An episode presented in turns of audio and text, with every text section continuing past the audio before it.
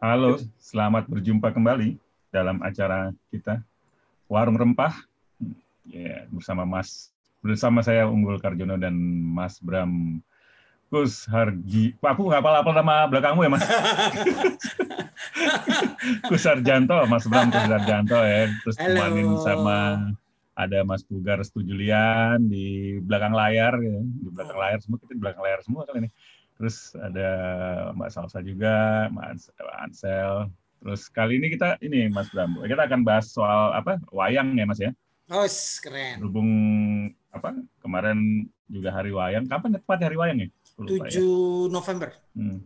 7 Terus November. Uh, 7 November ya. Terus ada juga ada berita duka juga dari dunia pewayangan ya Mas ya. Oh ya, Mas Seno Nugroho uh, meninggal ya. Uh, Pak Seno Nugroho berpulang gitu ya. Terus uh, kita sekarang ini akan bahas uh, tentang wayang ditemani oleh siapa nih Mas Bram? Mas Bram yang kenalin Mas Bram. Ah, ini sahabat in crime ya, uh, teman ya. saya di uh. Uh, dia ini dia ini uh, wah aktivis Jawa banget deh ya. aktivis Jawa. Uh, wah, dia aktivis Jawa banget. Untuk untuk ukuran anak muda tuh dia abnormal sebetulnya dia. Anak kayak gini masih ngurusin yang jejawaan itu sebetulnya nggak masuk akal gitu ya. Di Jakarta lagi dia itu anaknya. Uh, Wisnu nih teman saya, teman saya berkesenian juga, hmm. teman gue. Lu ngapain aja lo mau gue nu ya, macam-macam ya. Banyak uh, banyak. Banyak ya, banyak ulah kita ya yang yang menguntungkan baik menguntungkan maupun merugikan gitu. Faedah maupun anfaedah gitu kalau Anfaedah gitu. gitu. Jadi uh, Wisnu nih lulusan uh, Fakultas Ilmu Budaya UI uh, S3-nya filologi, hmm. meneliti kurang kerjaan dan meneliti naskah-naskah gitu, gitu. Hmm. Terus uh, S1, S2 dan S3-nya, S1-nya Jawa ya, Nu ya. Hmm. Sastra Jawa apa apa ini Jawa sih lu tuh? Apa S1-nya sastra Jawa. Sastra Jawa. Nah, makanya kalau kita ngomongin soal wayang ini kait itu apa? Emang wayang sama Jawa itu tidak harus wayang itu Jawa tapi memang dia terkoneksi lah secara secara secara apa yeah. namanya yeah. yang yang yang apa pandangan umum itu kan memang seperti itu. Mm-hmm. Tapi intinya gini, yang yang ingin yang ingin kita obrolin sekarang ini ini kan semuanya nih gara-gara connectivity gitu loh. Karena karena kita dulu berdagang, berdagang dari udah ribuan tahun kita berdagang lah ya ber, apa dengan bangsa-bangsa lain kan pertukaran pertukaran kebudayaan itu pertukaran budaya itu kan terjadi pertukaran peradaban itu terjadi gitu loh sama yang kayak kita omongin minggu lalu kan dari mulai iya. zamannya yeah. hmm. zamannya kita masih imigra, apa migrasi dari hmm. dari Cina dan segala macam itu itu sudah mulai terjadi tuh budayanya bertukar saling bertukar saling memahami gitu nah salah satu banget yang kelihatan banget memang kita tuh saling bertukar itu tradisi atau uh, tradisi wayang ini gitu loh ini menarik banget hmm. karena uh, dari wayang tuh kita sebetulnya bisa menelusuri kita tuh sebetulnya kontaknya sama siapa gitu loh. Hmm. Karena uh, wayang itu kan nggak nggak apa nggak uh, nggak cuman yang kesenian kesenian bonekanya itu ya. Hmm. Di Indonesia tuh wayang tuh udah udah udah udah udah jadi udah jadi macam-macam yang namanya wayang itu gitu loh. Nah, apalagi kalau kita ngomongin soal kontennya wayang, kontennya wayang. Ntar ngobrol sama Wisnu deh. Uh, Mahabharata, Ramayana yang asli dari Indianya sono sampai Jawa hmm. nggak cuman itu gitu ya uh, Mahabharata dan Ramayananya juga udah udah yeah. spin offnya banyak kemudian okay. uh, spin offnya juga banyak kemudian ngait-ngaitinnya juga menggila gitu ya sampai sampai hmm. yang tadinya agama apa jadi agama apa gitu hmm. loh hmm. ngobrol sama Wisnu aja dulu kali ya tapi mungkin sebelumnya nih kali ya kalau dari kita ngomongin soal wayang secara kata wayang itu sebenarnya pemahamannya bagaimana sih ya Mas Wisnu ya? Karena karena kan pada akhirnya nanti uh, oke okay, uh, eh, wayang itu apa gitu mungkin ya. Lalu kemudian uh, kalau wayang itu adalah seni pertunjukan misalnya gitu taruhlah saya nggak tahu nih definisi aslinya ya Pak ya yang yang baik dan benar secara keilmuan ya. Uh, lalu ketika sebelum adanya apa uh, pengaruh budaya-budaya dari India mungkin ya kayak cerita Mahabharata Bharata dia wayang sendiri seperti apa gitu di di di Nusantara. Mungkin salah satu yang bisa kita obrolin juga salah satu itu kali ya Mas ya. Gitu. Mm, mm, eh, monggo Mas Wisnu silahkan share. Nah, ini ceritanya Mas. Aduh, ini uh, sebelumnya matur nuwun Mas Bram sudah menjebak saya dalam dalam percakapan ini. Sebetulnya ini bukan uh, one of my expertise untuk bicara hmm. soal wayang ya karena uh, wayang itu dimensi yang yang uh, satu satu bentuk kesenian yang hmm. yang mengandung banyak sekali lapis dimensi hmm. dan uh, karena juga sebagaimana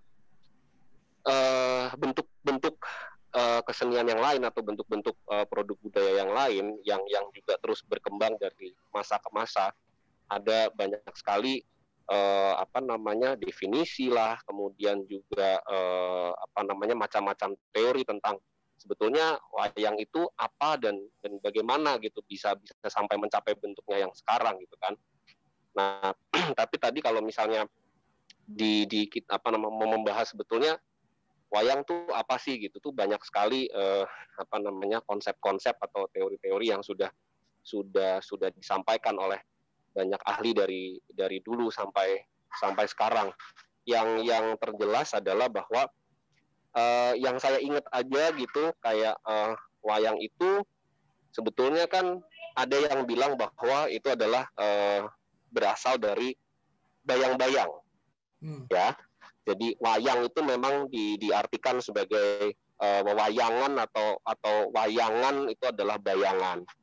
Ini bisa mengacu pada bagaimana uh, bentuk uh, pemanggungannya yang memang uh, mempergunakan uh, media uh, apa namanya kayak latar untuk kemudian menayangkan uh, bayangan daripada uh, boneka itu sendiri.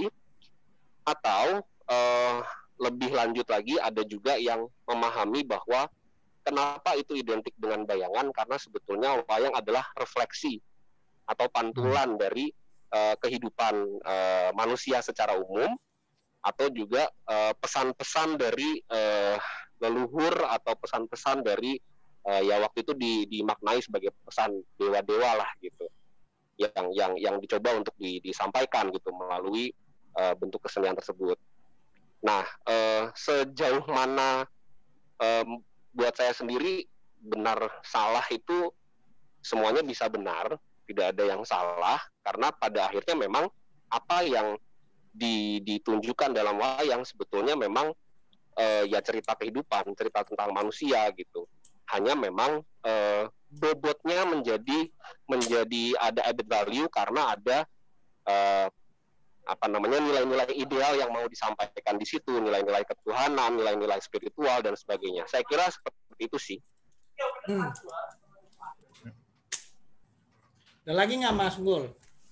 Oh ya, mau dengar ceritanya lebih banyak lagi sebetulnya aku nih sampai se, se, uh, ke mana-mana juga sih sebetulnya kayak tadi salah satunya yang Mas Bram bilang.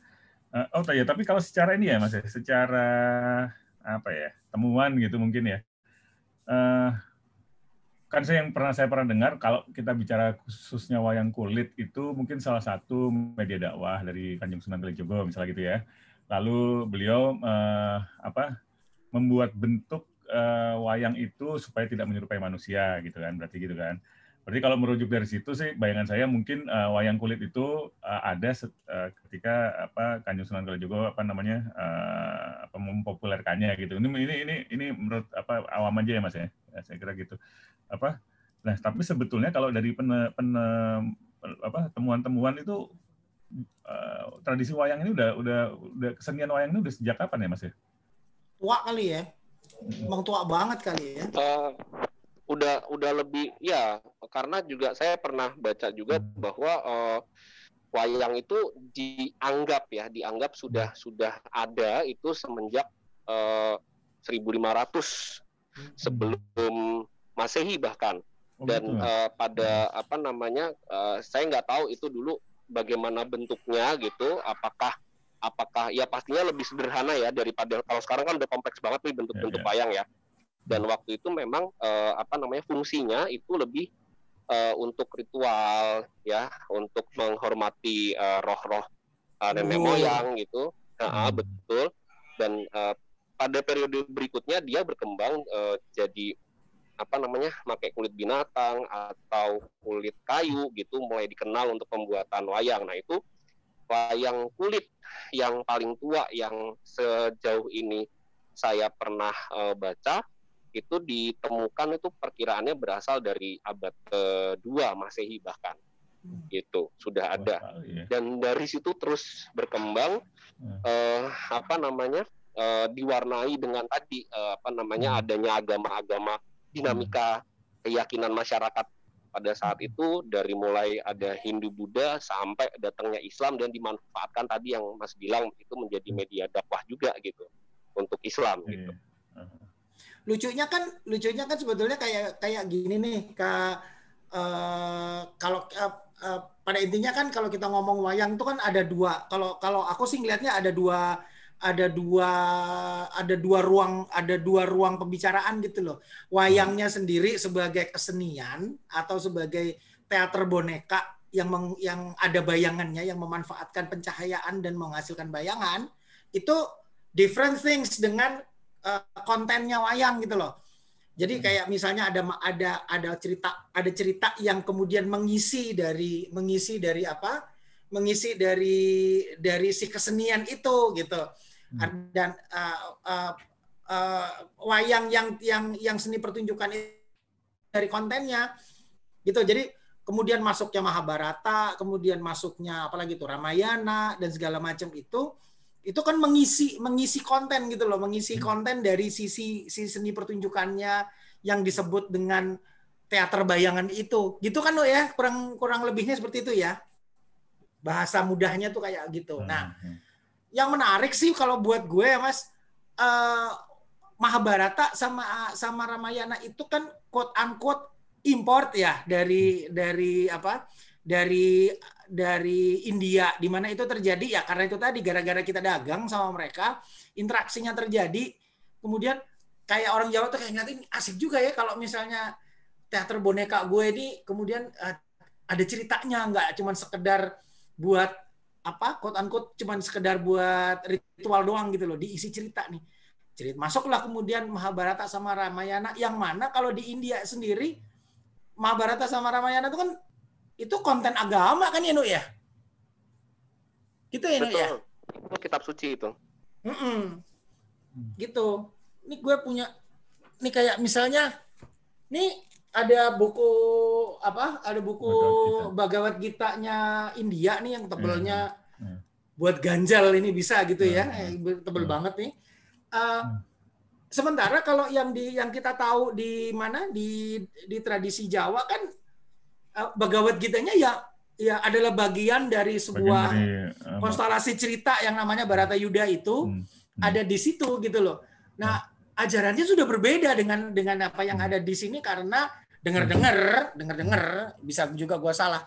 Benar dengar-dengar itu bagian dari syiar agama Islam pada saat menggunakan uh, yang digunakan oleh siapa? Uh, Kanjeng Sunan Kalijogo gitu nah, sampai akhirnya wayangnya kemudian juga hmm. diubah segala macam. Hmm. Jadi kan itu menarik ya dari iya, dakwah yeah, yang dakwah yang satu menjadi dakwah yang satu, mediumnya sama. Mediumnya sama, benar, benar.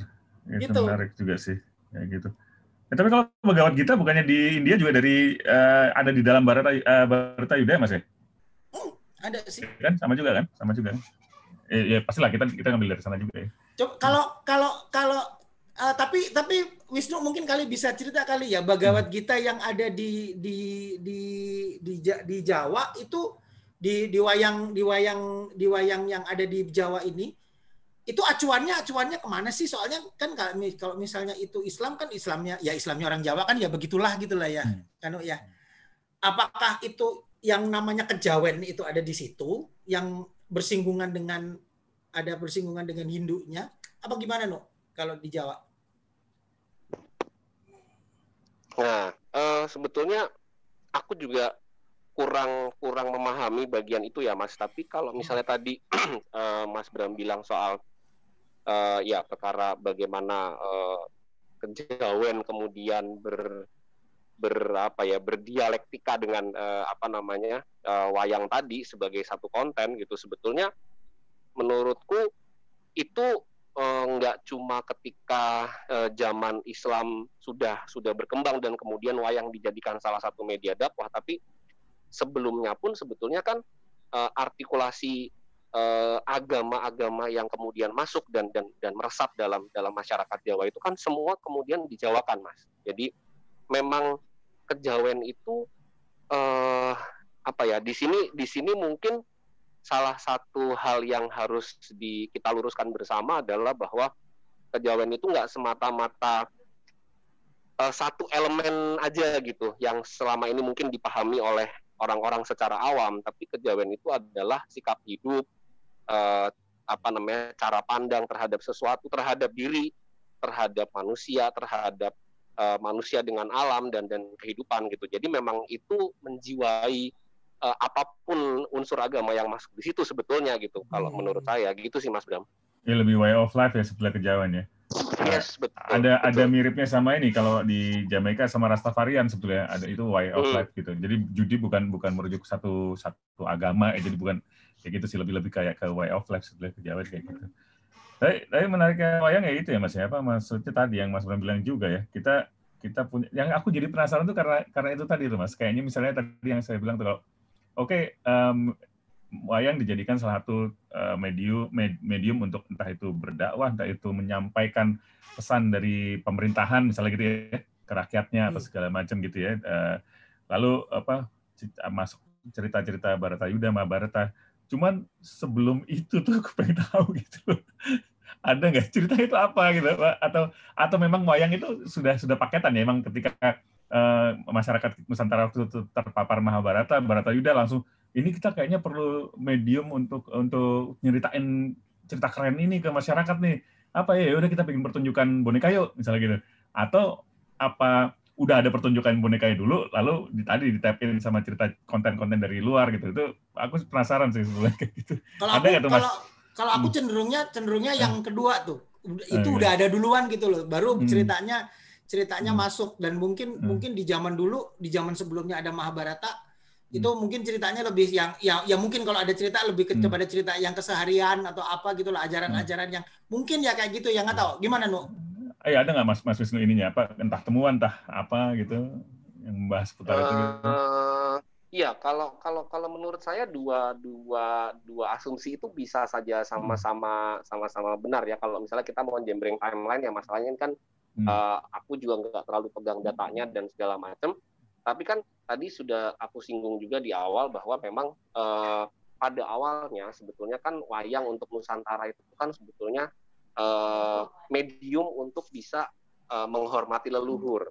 Hmm. hmm. Jadi sebetulnya mereka berusaha untuk membuat bentuk-bentuk yang yang katakanlah menurut mereka mereka percayai orang-orang zaman dulu percaya untuk menyerupai leluhur-leluhur mereka gitu. Hmm. Tapi uh, apa isi ceritanya itu uh, saya nggak terlalu tahu isi ceritanya hmm. apa gitu. Jadi mungkin buat saya malah justru sebetulnya wayang ini satu satu sarana sih memang media hmm. untuk menyalurkan apa pun itu gitu. Hmm. Cara cara pihak tertentu untuk mengomunikasikan idenya kepada uh, masyarakat yang lebih luas gitu sih.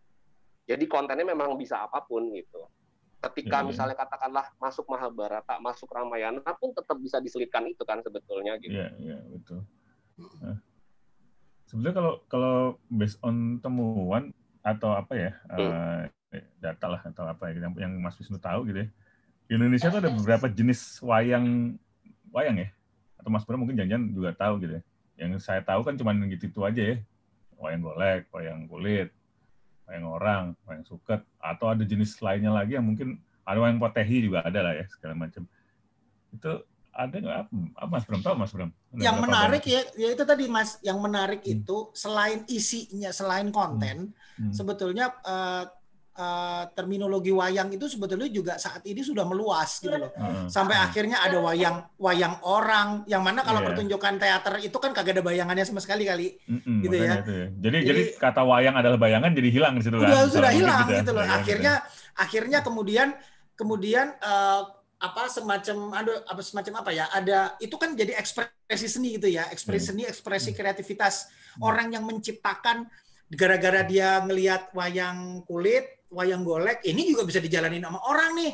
Kemudian diadaptasi ke manusia, di, jadi teater, jadilah wayang orang. Akhirnya karena itu ceritanya cerita wayang, akhirnya itu juga wayang gitu. Jadi konteksnya udah udah udah apa sudah sudah sudah sebetulnya udah bias sudah isi ceritanya sendiri juga udah kan nggak cuma Mahabharata Ramayana, ada Panji juga di situ. Iya. Tahu-tahu ada yang apa sih wayang wayang kemerdekaan lah. Kemerdekaan. Oh ya kan ada ada Bung Karno diwayangin juga. Ah, gitu terus sama Jan Peter Zunkun juga ada Oh, wayang oh, segala Wayang gitu. Pancasila, wayang Pancasila, wayang suluh, wayang suluh. Wayang Wayang Suluh ya, Suluh. Wayang Nah, Suluh. tuh, Kalau tuh. kalau yang keagamaan kan juga ada itu juga nu, ada wayang Wahyu ya kan ya. Ya, Ya, ya. betul. wayang betul, Dupara segala macam yang Betul, ceritanya betul. cerita Sunan Kalijogo, wayang wayang Wahyu Hmm.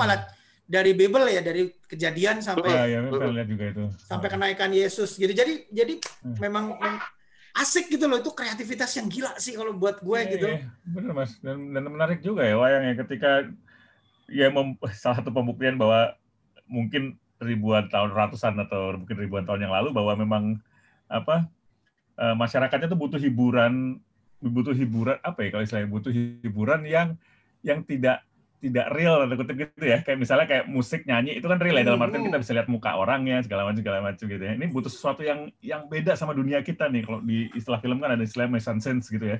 Jadi yang ada di yang ada di screen itu adalah kehidupan yang sesungguhnya gitu. Penonton tuh harus ngikutin gitu. Mereka udah punya kesadaran kayak gitu gitu loh. Itu kan menarik banget sih. Kalau di wayang tuh. Bener Hmm. dan apa ya belum itu kalau bicara soal itu Wisnu tuh bisa kita kita bisa ngomongin ini juga tuh no Hmm. sanggit misalnya gitu ya. Hmm. Bagaimana eh, dua dalang menginterpretasikan cerita ya katakanlah Barata Bara- apa Mahabharata misalnya eh, apa namanya eh, Gatot Kaca lahir gitu. Itu bisa interpretasinya bisa beda-beda gitu loh terhadap terhadap Gatot terhadap Gatot Kaca dalam dalam konsep sanggit gitu. Sanggit itu gimana ya, Nu ya? Kalau di kalau gue ngomonginnya ya.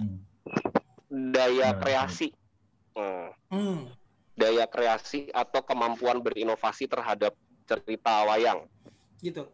Dan dan berarti wayang punya punya eh, wayang itu punya kemampunya apa ya? Punya kelenturan untuk itu ya di di dalam di dalam Betul. struktur baik nah, pertunjukannya maupun sastranya ya. Ya, ya, Nah, betul. eh, lo kan kalau misalnya ini lo misalnya lo li- lihat dari dari beberapa literatur literatur apa teks apa eh, teks teks-teks eh, sastra Jawa gitu misalnya gitu. Itu ada berapa banyak sih eh, pengaruh dari cerita wayang itu kemudian sampai menyusup ke ke masyarakat-masyarakatnya gitu. Sehingga pada saat katakanlah keluarga berencana dulu Pak Harto itu pakai wayang gitu untuk untuk mengkampanyekan KB gitu. Sampai Golkar dulu kuningisasi juga pakai wayang gitu kan. Itu itu memang seberapa jauh sih no kalau di masyarakat Jawa sendiri gitu? Oke, gue bukan orang antropologi ya, Mas. Jadi Hmm. ini gue mem- me- membahasnya berdasarkan eh, apa namanya data saja gitu ya. Dia Mm-mm. tidak tidak turun ke masyarakatnya. Mm-mm. Eh, memang wayang tadi seperti eh, sudah disampaikan bahwa memang ini salah satu bentuk hiburan ya, bentuk hiburan yang zaman dulu populer banget. Bahkan eh, popularitas wayang itu sampai gue lupa, tapi Mas Bram mungkin masih ingat ada dulu satu aku lupa itu di di karya sastra mana eh, di zaman Jawa kuno itu ada yang yang menyebutkan yang Hanonton Ringgit Manangis. Mm-mm. Itu kan sebetulnya eh, dia suatu bentuk reportase di zaman itu tentang bagaimana respons atau reaksi eh, masyarakat saat itu ketika eh, wayang itu dipertontonkan gitu bahwa orang-orang itu benar-benar apa ya istilahnya dilibat emosi yang luar biasa mengikuti ceritanya juga daya sanggit dalangnya juga mungkin dialognya suasana yang terbangun saat itu sehingga orang-orang tuh melihat wayang ada yang nangis ada yang kagum ikut Hmm. kesel ikut marah segala macam gitu kan. Film kan- sekarang ya mas ya? Ya betul. Kurang lebih seperti seperti film sekarang. Jadi eh, memang eh, ya wayang itu menjadi apa ya medium yang luar biasa untuk menyampaikan pesan agar benar-benar eh, apa namanya nyampe dan enak banget gitu loh sisi emosinya sebetulnya yang disasar itu kalau nggak salah tuh Arjuna Wiwaha tuh Mas Bram Hmm. Gitu. Itu kalau kalau kalau mis kalau dilihat kalau lihat di apa namanya di misalnya di di ini nu misalnya di naskah-naskah ya nu ya Hmm, hmm. itu itu pengaruh dari sastranya dari dari dari cerita wayang itu mempengaruhi banget nggak sih? Misalnya di di di beberapa literatur sastra apa teks-teks uh, sastra yang lo baca gitu misalnya gitu sastra-sastra kuno itu. Itu masuk nggak sih cerita cerita cerita wayang itu di dalamnya?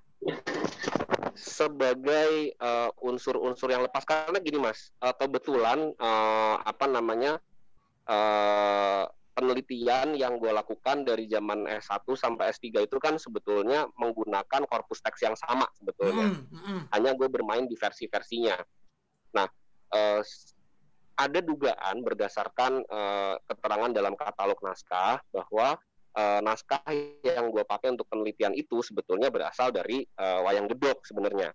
Mm. Uh, which is Panji kan Panji, Panji. Uh. Cuma ketika gue ketika gue melakukan pembacaan terhadap 11 varian yang ada dari korpus naskah gue sebenarnya itu malah nggak ada panji-panjinya justru lebih kemena karena naskah gue udah zaman Islam itu hmm. uh, but then mengacu pada penjelasan Pak Purbo Purbo Caroko maksud gue uh, itu kan memang Panji itu kan salah satu karya sastra tertua dan monumental di era Jawa kuno yeah. sampai Jawa hmm. Tengahan dulu tuh kan. Hmm. Nah, hmm Panji sendiri sebetulnya adalah bentuk apa ya semacam bentuk uh, inovasi dari uh, sastrawan atau pujangga Jawa saat itu yang ingin melepaskan diri dari unsur-unsur keindiaan sebenarnya. Hmm. Itu dia dia dia dia coba dengan Panji sehingga ketika Menak pun kepanjian itu masih ada di Menak pun pada pada entah unsur-unsur apanya gitu uh, sebagai satu elemen-elemen yang yang saling lepas-lepas satu sama lain tentu saja unsur kewayangan itu juga muncul dalam dalam setiap bentuk-bentuk cerita itu gitu mungkin uh, bagaimana cara menggambarkan tokoh hero misalnya baik hmm. di Panji maupun di Menak yang diwakili oleh uh, Wong Agung gitu kan misalnya itu kan uh, gambaran hero-nya itu kan sebetulnya sangat sangat tipikal sekali mas gitu dengan dengan gambaran hero dalam wayang gitu. Ya kayak kayak Pandawa lah ya. Kalau perang nggak ya nggak bisa kalah terus hmm. bujune apa kan kayak gitu-gitu kan gitu. Hmm. Hmm. hmm. hmm. Itu, itu menarik itu menarik tuh mas mas Sunggul apa hmm. kayak tadi yang disampaikan mungkin aku jelasin wayang menak gitu ya. Wayang menak ya. itu kalau kalau Panji kan ceritanya dari dari dari itu ya dari Erlangga zaman Kediri ya. itu ya. Biasanya kerajaan-kerajaan ya. Kerajaan-kerajaan, ya. kerajaan-kerajaan, kerajaan-kerajaan Jawa yang Jawa. yang zaman Mataram kuno kemudian pecah hmm. jadi dua tuh Kediri sama hmm. Jenggala. Hmm. Ya. Nah, kalau kalau menak ini menarik lagi nih Mas karena itu ceritanya hmm. cerita itu kalau kalau di bahasa Inggris itu kayak The Chronicle of Amir Hamzah gitu loh. Hmm. Jadi itu hmm. cerita Persia yang kemudian diadaptasi dalam hmm selama jar, jar, apa perdagangan pokoknya kalau orang Persia dagang selalu bawa itu sama kayak orang Jawa dagang keluar bawa cerita Panji gitu loh kurang lebihnya kayak begitu orang oh, India iya, bawa iya. Mahabharata orang hmm. Persia itu bawa itu bawa bawa cerita hikayat Amir Hamzah itu akhirnya hmm. lucu tuh hikayat Amir Hamzah tuh di Sumatera hmm. ada di, ya, ya. di di India ada di sepanjang pantai pesisir tuh ada di Jawa dia diwayangkan gitu loh jadi hmm. namanya wayang menak gitu. Hmm. Itu itu apa Timur Tengah banget gitu loh. Not necessarily dia itu Islam ya kebetulan masa yeah, itu yeah. pada saat penyebaran hmm. agama Islam masuk akhirnya nilai-nilai Islam hmm. ada di situ gitu loh. Tapi itu pers yeah. Persi Persia ya Nu ya. Bukan bukan Arab kan tuh ya Persia ya. Uh, ya Persia kemudian ke Melayu baru ke Jawa begitu urutannya. Oh, uh, uh. Jadi Tuh. yang Jawa itu sebetulnya versi adaptasi dari Melayu, tidak directly dari Persianya. Justru hmm. yang justru yang ke, yang aku nggak nggak nggak melihat ada ada koneksi langsung itu ke apa uh, dengan wayang itu yang yang directly itu memang ada pengaruh itu Buddha sama sama Kristen sih sebetulnya. Hmm. Karena kalau Kristen kan after itu ya setelah wayang udah establish gereja make itu jadi yeah, jadi yeah. Uh, dia bikin wayang hmm. itu. Hmm. Buddha kayaknya juga gitu deh. Wayang Buddha itu kan baru ya setelah hmm itu yang menciptakan salah satunya almarhum Pak Pak Panggawi Pak Pangga barusan meninggal loh Isno jadi itu dia beliau yang yang salah satu penciptanya wayang Buddha itu tapi kalau hmm. kalau yang Islam kalau yang Islam itu obvious banget wayang Hindu tuh di, di twist sama sama hmm. itu sama hmm. sama Sunan oh, Wali Songo itu sama Ya menarik ya mas. Tadi tuh juga tuh menarik juga tuh. Jadi, jadi tadi sambil dengerin sambil ngelamun ngelamun ya. Berarti kalau misalnya beberapa tadi apa kisah-kisah gitu entah yang dari Persia, dari India atau dari sini ke sana gitu ya. Yang tanpa menggunakan wayang mereka bertuturnya menggunakan apa ya? Rata-rata musik apa? Nggak buku juga kan berarti ya. Buku mungkin setelah ketika mereka menuturkan kisah-kisah tadi gitu kan, selain medianya wayang gitu ya. Atau taruhlah tadi Mahabharata dituturkan pertama kali ke kita gitu ya. Itu gimana ya? itu bagian dari bagian dari ini nggak sih, No? Bagian dari tradisi lisan nggak sih awalnya kalau Iya, kayak gitu tuh? kali ya. Karena kan bukan buku pasti ya kalau menurutku ya, nggak nggak tiba-tiba ngasih datang gitu ke sini gitu lagi berdagang rempah terus eh ini ada buku bagus nih baca deh kan belum baca juga kan gitu. Ya. Aku nggak ngerti deh tuh. Itu ajaran Iya. ajaran dan itu kan masuknya dalam bentuk ajaran Iya. apa, apalagi kalau Ramayana Mahabharata Iya. ajaran agama kali ya. Dan, dan mereka lagi kan kalau ngomongin wayang di kita kan ini aku nggak tahu ya mungkin aja mungkin aja bener. Kan beberapa banyak orang juga eh, mungkin sak tadi ya saking menjiwainya si sang dalang itu menutur apa eh, mendirect wayang-wayangnya gitu ya. Sampai kesannya terbangun sedemikian bagus emosi penonton jadi terbawa. Jadi akhirnya kan seolah-olah karakter itu karakter-karakter real gitu ya mas ya. Gatot Kaca, Arjuno sampai akhirnya jadi ada Gunung Arjuno, ini ada Hmm. petilasan Gatot Kaca. Yang aku nggak tahu mungkin siapa tahu emang bener ada Gatot Kaca zaman dulu aku nggak tahu juga ya. Tapi kan eh, kalau kalau yang umumnya kan kita mungkin oh, itu orang ngarang aja ini petilasan Gatot Kaca, ini ada desanya siapa, itu ada ada semua kan. Jadi ngebayanginnya gini mas kayak kayak misalnya kita aku seneng Star Wars nih, seneng, banget Star Wars gitu ya.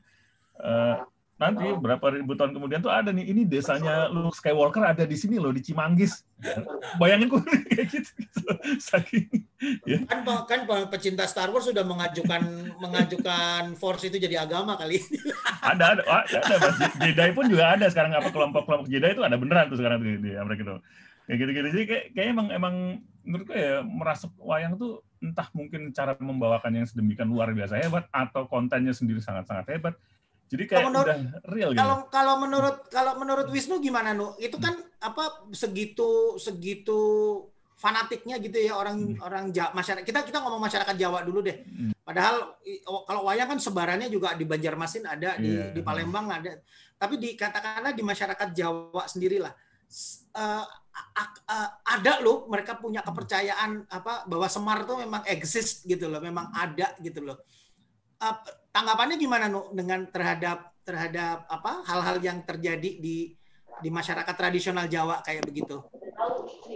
Iya, kalau kalau aku sih eh, sebagai apa ya, gue memosisikan diri gue sebagai orang yang seneng wayang aja ya, Mas. Artinya Hmm, gue hmm. adalah eh, penonton wayang, gue pembaca cerita wayang, orang yang dulu pernah eh, banyak didongengin soal wayang, ya gue eh, apa sih namanya eh, nggak ada masalah dengan itu. Artinya eh, bahkan dulu gue pernah pernah yang tadi apa Mas Unggul bilang itu pernah pernah pernah baca atau pernah dengar aku lupa bahwa eh, banyak loh orang-orang yang dulu tuh percaya bahwa eh, memang leluhurnya nih sebetulnya Arjuna leluhurnya nih apa gitu kan gitu Hmm. itu ada gitu artinya eh, bahwa pengaruh pengaruh wayang tuh memang luar biasa luar biasa banget di di masyarakat Jawa terutama gitu. Dan aku rasa sih sampai sekarang masih seperti itu. Meskipun mungkin eh, sudah tidak dalam tanda kutip kon- sekonvensional dulu gitu tapi masih ada terus gitu loh orang-orang yang yang entah menyenangi menyenangi wayang karena ceritanya atau karena dia merasa inspired oleh tokoh-tokohnya atau apa pun itu gitu sih Tapi as long as you know gitu ya, Nu ya. Hmm. Eh, kalau kayak yang di India itu berarti kan pergeseran ter- pergeseran wayang cerita wayangnya sendiri, eh, cerita Mahabharata atau Ramayana sendiri sebetulnya nggak terlalu banyak dong ya. Kalau dia itu adalah ajaran agama harusnya. Compare tuh apa yang ada di Jawa dengan gimana mas? dengan sanggit-sanggitnya dalang yang kayak misalnya ini nih, kayak misalnya nih apa eh, eh, Ramayananya Romo Sindu nih. Oh Romo Sindu. Ah, anak-anak Bajang. Ini kan Hmm. eh, tafsirnya Romo Sindu juga juga liar gitu ya terhadap terhadap kisah Ramayana Hmm. itu gitu loh. Ah, itu maksud maksud gue eh, di India sendiri harusnya kalau itu memang dia agama menjadi salah satu apa namanya salah satu elemen dari religi gitu harusnya gesernya nggak nggak terlalu liar dong ya nggak nggak kayak di sini mestinya ya. Ketik, ketika itu ke Jawa justru ada pergeseran yang menurutku signifikan mas karena itu sendiri diteliti sama Prof Purbo Caroko. Uh-huh. Jadi eh, karena karena adanya eh, apa namanya eh, penurunan kemampuan terhadap eh, baik bahasa Sanskerta maupun bahasa Jawa kuno sebagai bahasa yang digunakan dalam karya sastra asli eh, adaptasi Mahabharata. Uh-huh maka kemudian terjadilah uh, tafsir-tafsir karena tadi kalau menurut Prof Purbo malah lebih lebih ekstrim menurutku uh, dia betul-betul membidik atau betul-betul state bahwa ini karena yang bersangkutan itu memang kurang pengetahuannya soal bahasa-bahasa Jawa kuno gitu sehingga di dipedek-pedek gitu loh ditebak-tebak hmm. gitu salah satu yang yang aku paling ingat adalah misalnya uh, Songo-Songo Mas Bram tahu tokoh Songo-Songo hmm, hmm. Ya, anaknya kan? Songo-songo tuh anaknya Setiaki ya? Betul. Nah, nah songo-songo itu kan di di di dalam pewayangan Jawa itu satu orang bernama songo-songo. Padahal itu sebetulnya harusnya dipisah sang asongo, sang asanga gitu. Jadi itu tidak satu orang gitu. Itu bukan satu orang. Satu misalnya. Kemudian bapaknya Joyodroto. Hmm. Bapaknya Joyodroto itu kan Begawan Sempani. Sempani. Yang sebetulnya tokoh Begawan Sempani itu muncul karena menurut Prof. Purbo ketidaktahuan sang adaptor bahwa terhadap Jawa kuno bahwa itu kan Jodroto di penggal kepalanya apa di panah kepalanya panah. Ter, tertebas ngelundung toh gitu hmm. sirai ngelundung gitu hmm. ngelundung terus uh, dia itu ditampani karo Begawan Sempani begitu hmm. kan kalau di Jawa pas Barata Yuda itu ya betul kalau versi Jawa kunonya kan itu uh, kalau gua nggak salah I Sapuani bapaknya. Sapuan itu pangkuan. Hmm. Jadi di pangkuan bapaknya, tapi bapaknya namanya siapa nggak ada. Hmm. Gitu loh. Sehingga muncullah itu di, di, di, dianggap bahwa Sempani itu adalah ayah dari Diodroto gitu. Hmm. Termasuk etika-etika yang ada apa bukan bukan etika ya, termasuk norma kali juga juga bisa masuk di di, di situ ya saat Drupadi di India itu satu istri suaminya lima di sini yes. menjadi ya, satu ya. aja gitu ya. Yes. Oh sama yang menarik juga yang perlu aku juga share di sini adalah soal Sri Kandi misalnya. Hmm. Sri Kandi ini juga menurutku fenomenal karena aslinya Sri Kandi versi India. Uh, apa namanya India itu adalah eh, laki-laki uh, yang feminin, okay. gitu ya. Queer. Tapi, ya, tapi karena konsep itu dalam tanda kutip tidak berterima gitu hmm. dalam culture uh, kita gitu hmm. sehingga diubah menjadi perempuan yang tomboy. Dibalik gitu. ya? Iya, gitu. Dalam perempuan yang tomboy, istrinya jadi istrinya Arjuna padahal hmm. di aslinya tidak. Hmm. Sri Kandi bukan istri Arjuna. Gitu. Hmm. Hmm. Hmm. Hmm. Asik ya? Asik Dan aku aku juga juga juga juga menarik dengan dengan dengan cerita Ramayana gitu loh, Nuk.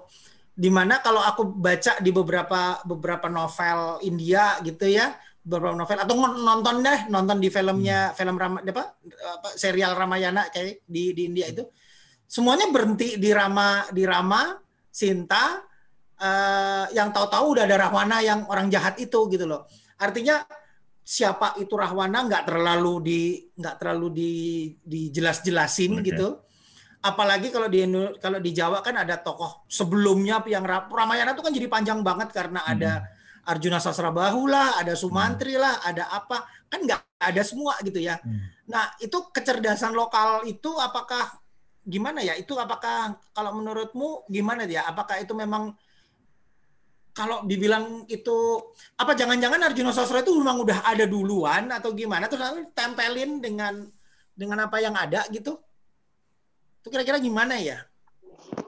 Kalau aslinya artinya uh, asli Ramayana Indianya aku nggak tahu mas. Tapi hmm. yang aku uh, jadi aku tidak bisa menjawab apakah Arjuna Sosro itu adalah tokoh yang memang ditempelkan seperti uh, katamu itu atau memang memang dalam babonnya itu memang betul-betul ada tokoh bernama Arjuna Sosrobahu itu atau bagaimana cuma memang uh, aku mengakui satu hal bahwa memang dalam uh, sanggit uh, Ramayana itu sedikit sekali yang yang banjar dari awal sampai akhir jadi kita beneran tahunya Ramayana itu cuma tentang Sim, Rama dan Sinta. Sinta ini gitu mm. loh yang yang mana Rama menjadi ribet karena Sinta yang, yang juga ngeribetin gitu kan gitu. Mm. Cuma pun menariknya ternyata banyak sekali yang aku pernah dengar gitu banyak sekali akhir cerita uh, Ramayana yang sebetulnya beda-beda versi juga gitu loh. Hmm. Not to mention Romo Sindu ya gitu maksudnya yeah, yeah. untuk kita maksudnya gitu. Tapi di sananya pun akhirnya beda-beda gitu loh.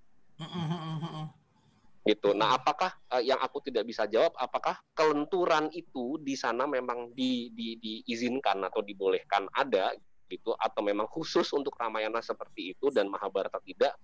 Aku nggak bisa jawab tuh. Hmm gitu. Soalnya kalau kalau kalau Mahabharata itu kan wah kompleksitasnya lebih lebih gila lagi lah itu di yeah. di di Jawa kan apalagi di Jawa ya.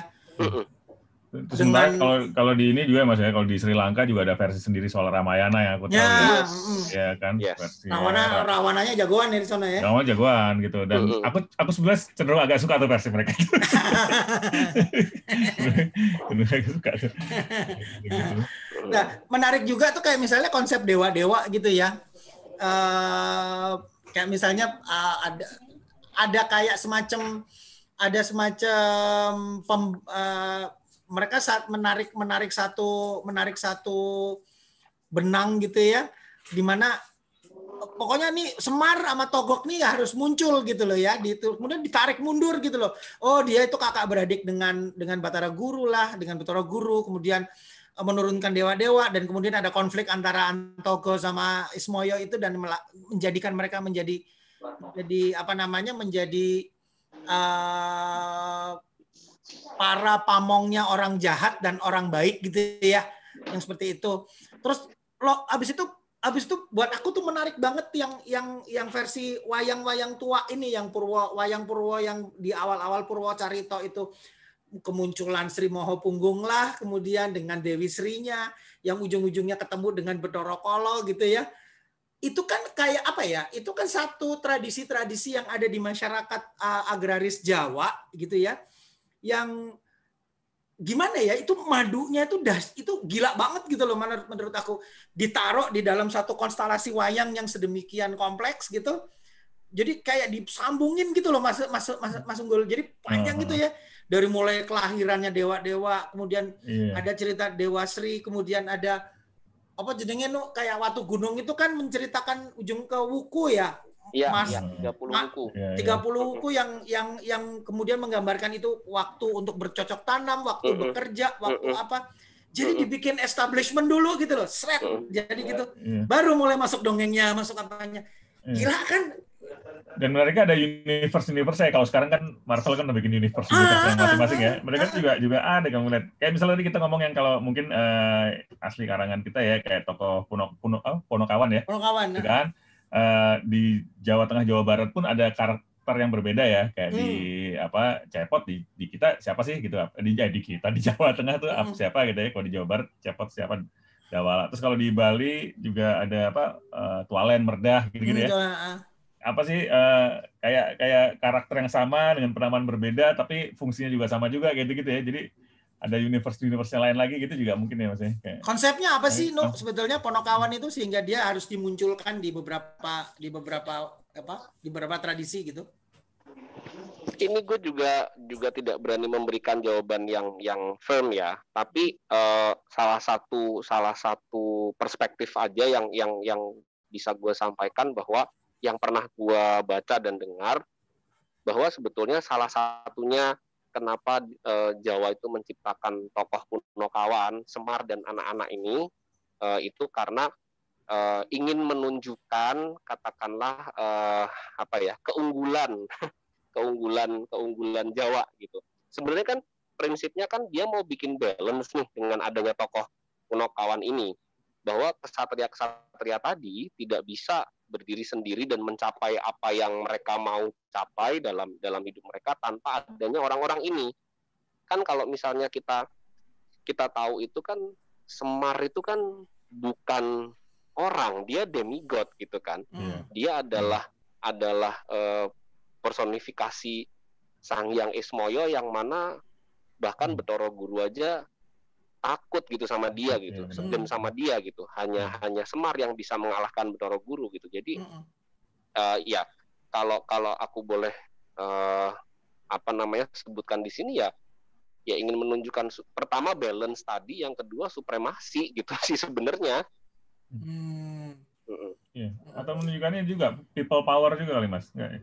Okay. Ya bisa juga bahwa yeah. bahwa para ya kan memang kalau kita bicara tentang cerita-cerita atau karya sastra tradisional itu kan memang selalu lingkupnya kerajaan mas. Kerajaan ya betul. Selalu berputar di urusan kerajaan kan gitu. Hmm. Uh, apa namanya sehingga perlu nih apa namanya mendengar suara masyarakat juga. Nah mereka ini adalah representasi dari masyarakat gitu loh. Hmm.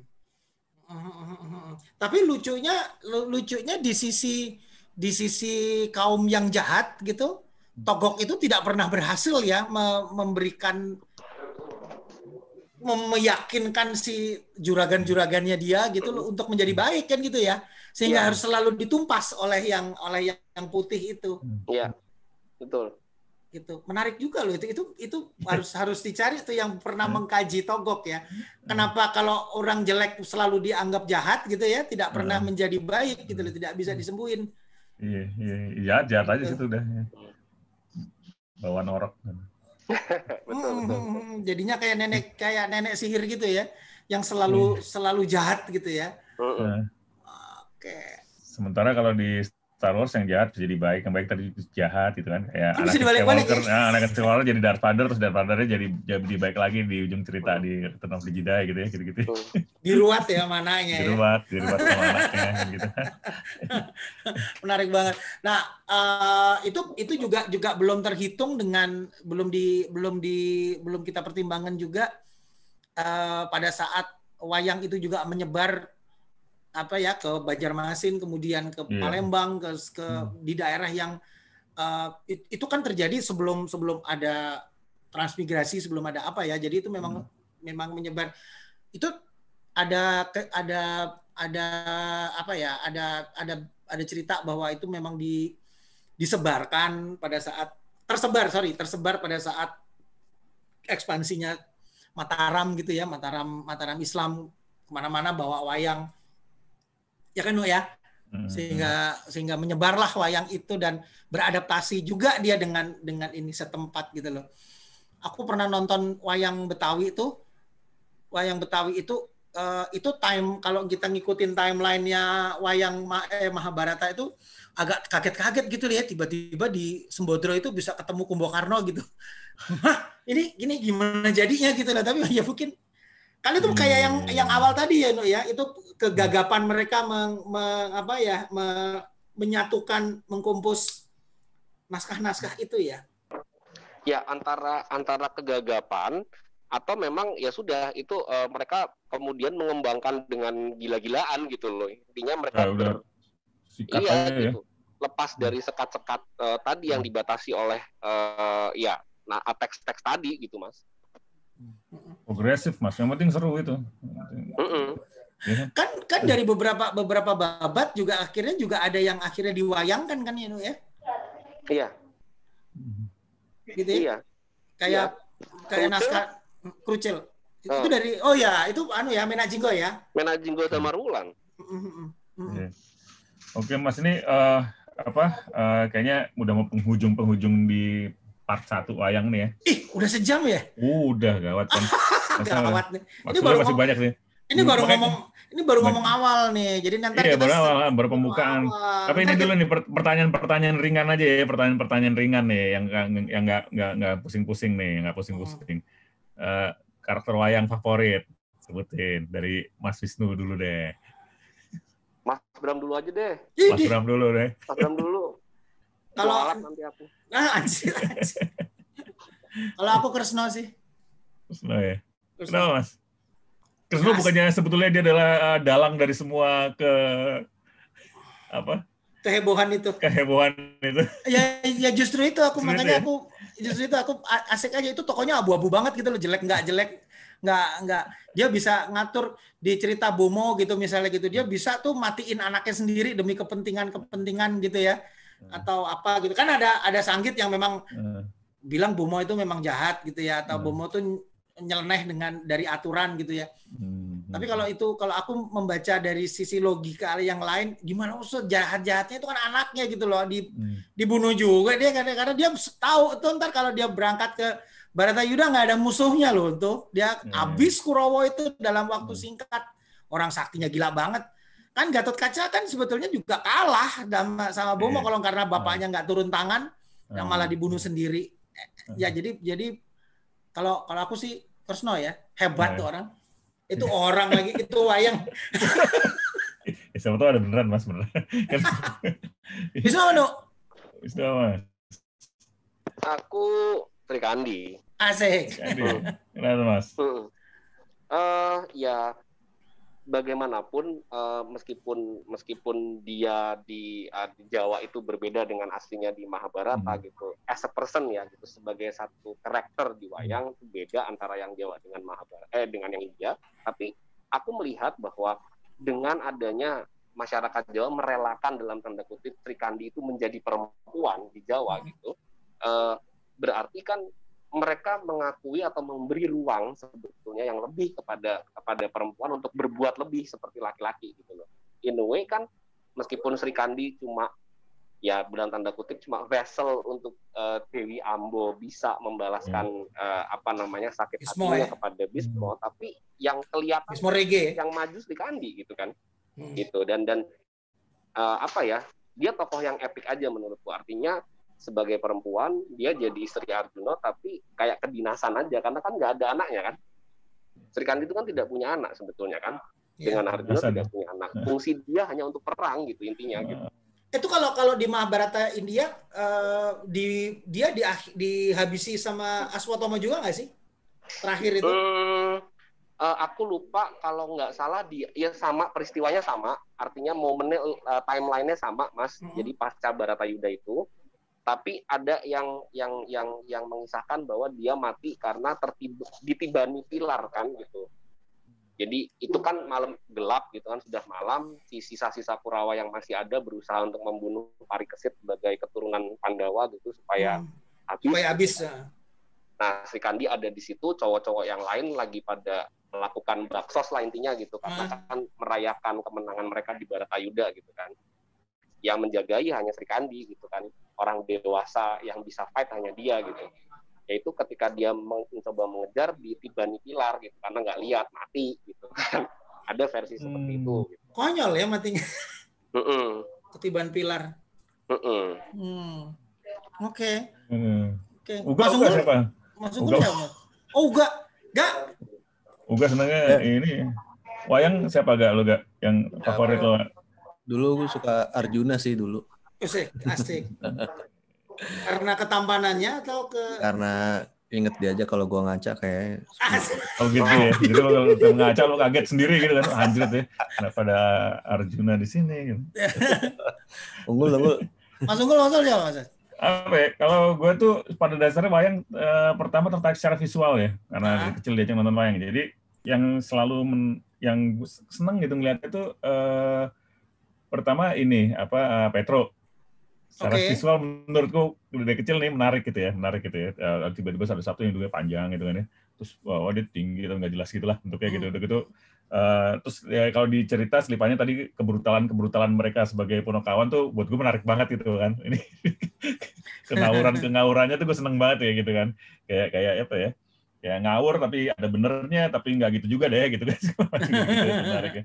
Yang, kedua mungkin kalau boleh milih dua satu lagi Hanuman sama Hanuman juga karena kecil Oh, oke. eh, eh, eh, buat buat imajinasi anak kecil gitu kan waktu itu kan eh, apa Satria Kera tuh keren banget ya kayak Sun Gokong juga ya pada akhirnya gitu. Hmm, Dan hmm, itu hmm. keren banget gitu kan eh, eh, apa meskipun ternyata secara filosofi juga bagus banget ya Hanuman tuh juga juga.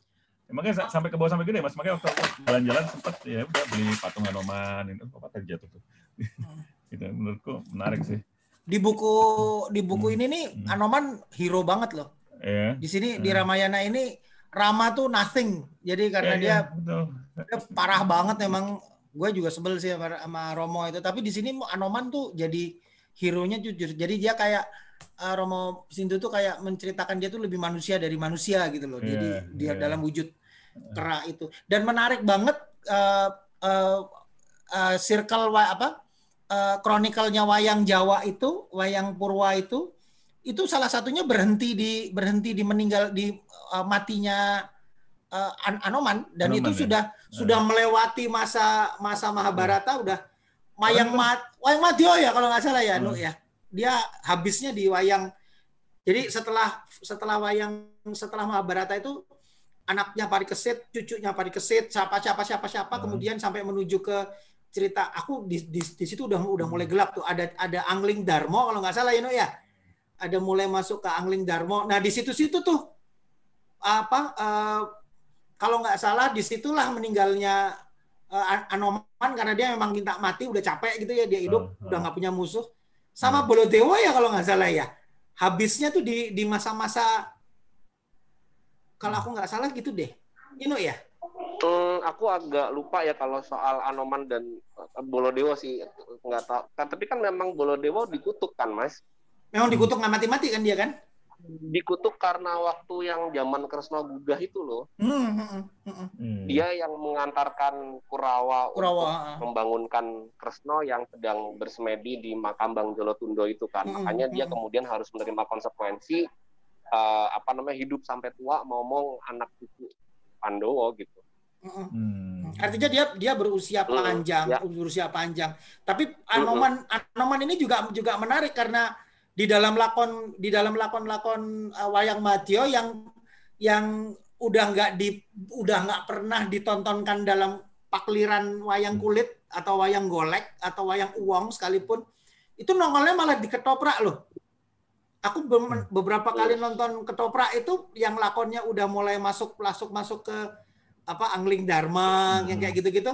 Di situ tuh mati apa matinya si si si Anoman yang artinya juga memungkas si apa Hmm. eh, apa eh, putaran dari cerita Mahabharata itu. Nah, gua nggak tahu tuh kalau itu dia nyambung nyambung ke Panji lah. Kalau kan beberapa orang Jawa kadang-kadang suka maksain gitu ya, Nu ya. Disambung-sambungin Iya, iya, lah tuh iya, ke betul. ke Panji, sambungnya ke Mahabharata, eh ke mana ke ke Majapahit lah. Wow, tiba-tiba jadi pre- Presiden Soekarno adalah titisan Wisnu. Bukan Wisnu aku ya.